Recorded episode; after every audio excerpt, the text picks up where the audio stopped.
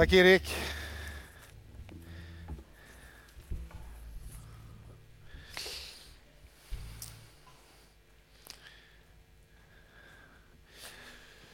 Konfirmander, tack för dramat. Ja, det var fantastiskt bra. Vi kommer tillbaka till det. Konfirmation. Ett år har vi varit tillsammans nu. Och eh, det har varit otroligt roligt att få möta er varje onsdag, eller då vi har varit där, allihopa tillsammans. Och konfirmation betyder bekräftelse.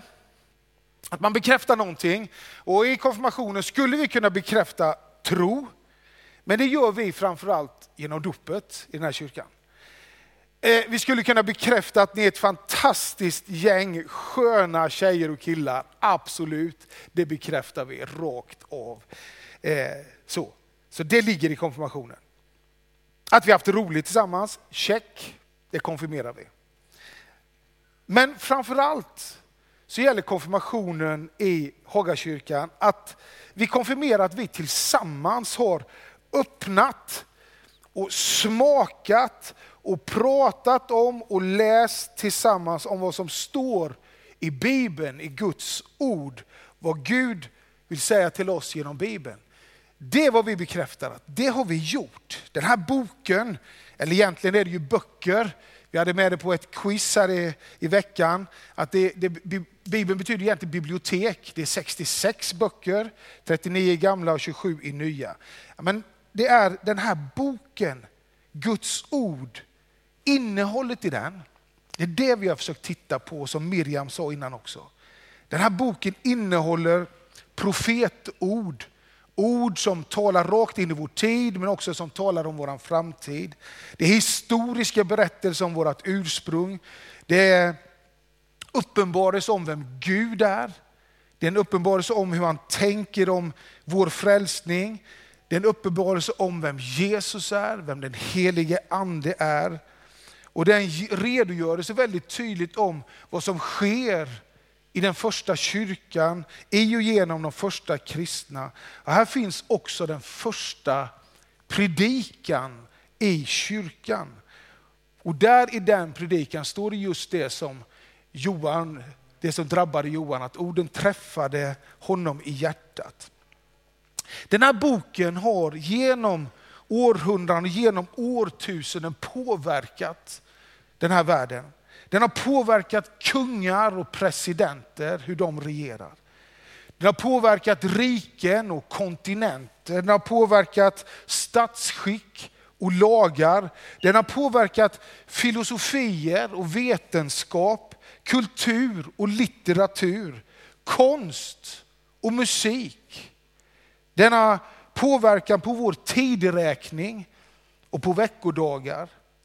Den påverkar vad många av oss heter när vi har lov från skolan, inte minst.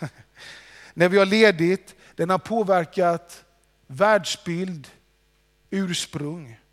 Men framförallt så påverkar det som står i den här boken vårt livsmål och mening.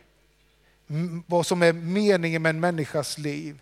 Hur Gud söker oss var och en och vill rädda oss och sätta oss fria, precis som dramat sa innan. Ett fantastiskt drama, återigen. Orden träffade Johan i hjärtat och han blev hel och förlåten igen. Inte bara Johan. Men det var så som dramat sa. I Bibeln så står det att Guds ord, det är andens svärd. Och att det tränger djupt och skiljer ben och märg, ande och själ och blottlägger hjärtats uppsåt och tankar. Ett skarpt ord. Och det är Gud själv som står med sitt ord, som har inspirerat det. Och det står i Bibeln att det är Guds andat. Det kommer från Gud. Gud själv är det här svärdets svärdsmidare. Gud står med sitt ord genom den helige ande. Och genom, när vi läser det och andens närvaro så blir ordet levande. Genomträngande och kallas därför ett svärd. Man behöver vara försiktig med det. Så när man läser Bibeln så riskerar man, eller så finns möjligheten att bli drabbad av Gud själv. Så när Petrus då på pingstdagen dit vi är på väg, Petrus som var kyrkans första ledare, en av lärjungarna, när han på pingstdagen är när anden utgjuts och församlingen bildas och eh, han håller kyrkans första predikan så står det precis när han har hållit den predikan så står det just de här orden. Att den här predikan, de här orden träffade människor i hjärtat. Ordet träffade dem i hjärtat. Ordet som är Jesus själv. Guds ord som kan upprätta, förlåta, ge frälsning till dig och mig. Ordet som är Jesus själv drabbade människor rakt in i deras innersta och blottlade någonting där. Och då ställer de frågan, vad ska vi göra nu? När det har blivit uppenbart för oss vem Gud är, vad Jesus har gjort och att anden är utgjuten. Och då svarar Petrus, döp er till gemenskap med honom. Blir du drabbad så sök den gemenskapen. Jesu famn är öppen. När orden träffas så sök dig nära honom.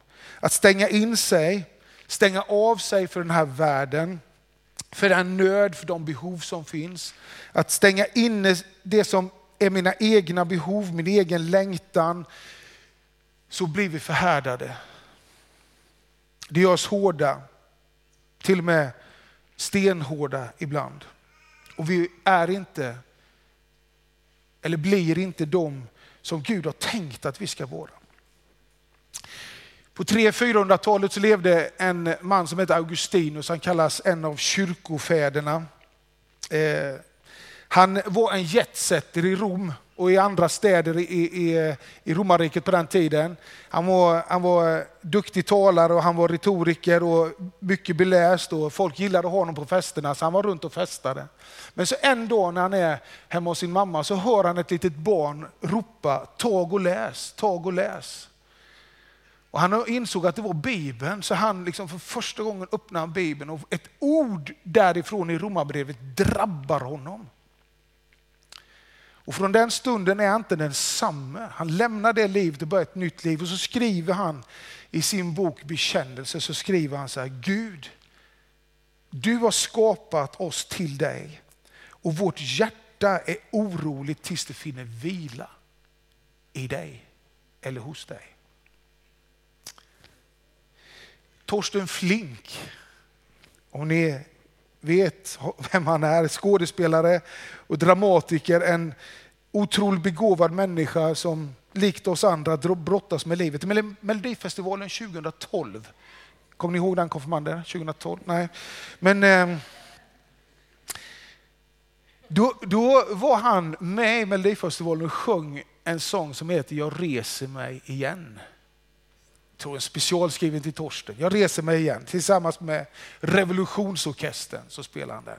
Och de går till final också. Och där i finalen i Globen så sjunger Torsten Flink ut denna sång som är ett rop och som delar det som vi många känner. Och då sjunger han en strof i den här som går så här. Jag trevar efter sanningen som kan läka alla sår. Så sjunger han ut i Globen. Och sen så dramatiskt så går han in bakom en uppgjord ridå som går ner bakom honom. Så böjer han sig fram och tittar in i kameran så gör han korstecknet. Jag trevar efter sanningen som kan läka alla sår. En, ett oroligt hjärta, en sökande själ, en längtan efter helande beröring. Eh, och det sjungs ut i Globen. Kanske fler sånger skulle sjungas på det sättet. Astrid Lindgren vi har inte studerat hennes böcker i konfirmationen, men hon känner väl till, känner väl till Bibeln och använder många bibliska bilder i sina böcker. Och i Mio min Mio så finns riddare Kato. Den onde riddaren som styrde med fruktan och en järnklot i hand och med ett hjärta av sten. Enda sättet att besegra riddare Kato för Mio det var att träffa honom i hjärtat med ett svärd. Det var bara i hjärtat som han kunde besegras. Men det var av sten. Men Mio träffar svärdsmidaren som i tusen år har stått och smitt detta svärd. Som nu är så skarpt, så hårt och så vasst att det kunde skära i sten. Och så finns den här berättelsen och till slut så har Mio mött riddare Kato. De har fäktats i en timme. Och till slut så slår Mio svärdet ur riddare Katos hand. Och han tittar, riddare Kato tittar på Mio, sliter upp sin rock och säger, sikta noga. Se till att du träffar hjärtat. Se till att du hugger rakt genom mitt hjärta av sten. Det har skavt där inne så länge och gjort så ont. Och så säger Mio, jag såg in i hans ögon. I hans ögon såg jag något underligt. Jag såg att riddare Kato längtade att bli av med sitt hjärta av sten. Slutcitat.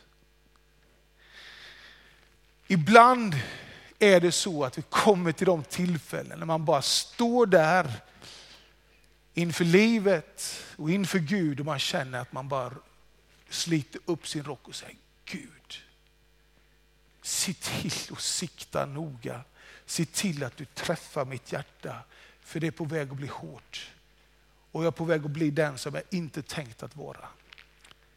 Se till att du drabbar mig. Så min uppmaning konfirmander, det är att ni inte lägger Bibeln på hyllan, utan ta fram den. Läs ordet, låt dig bli drabbad.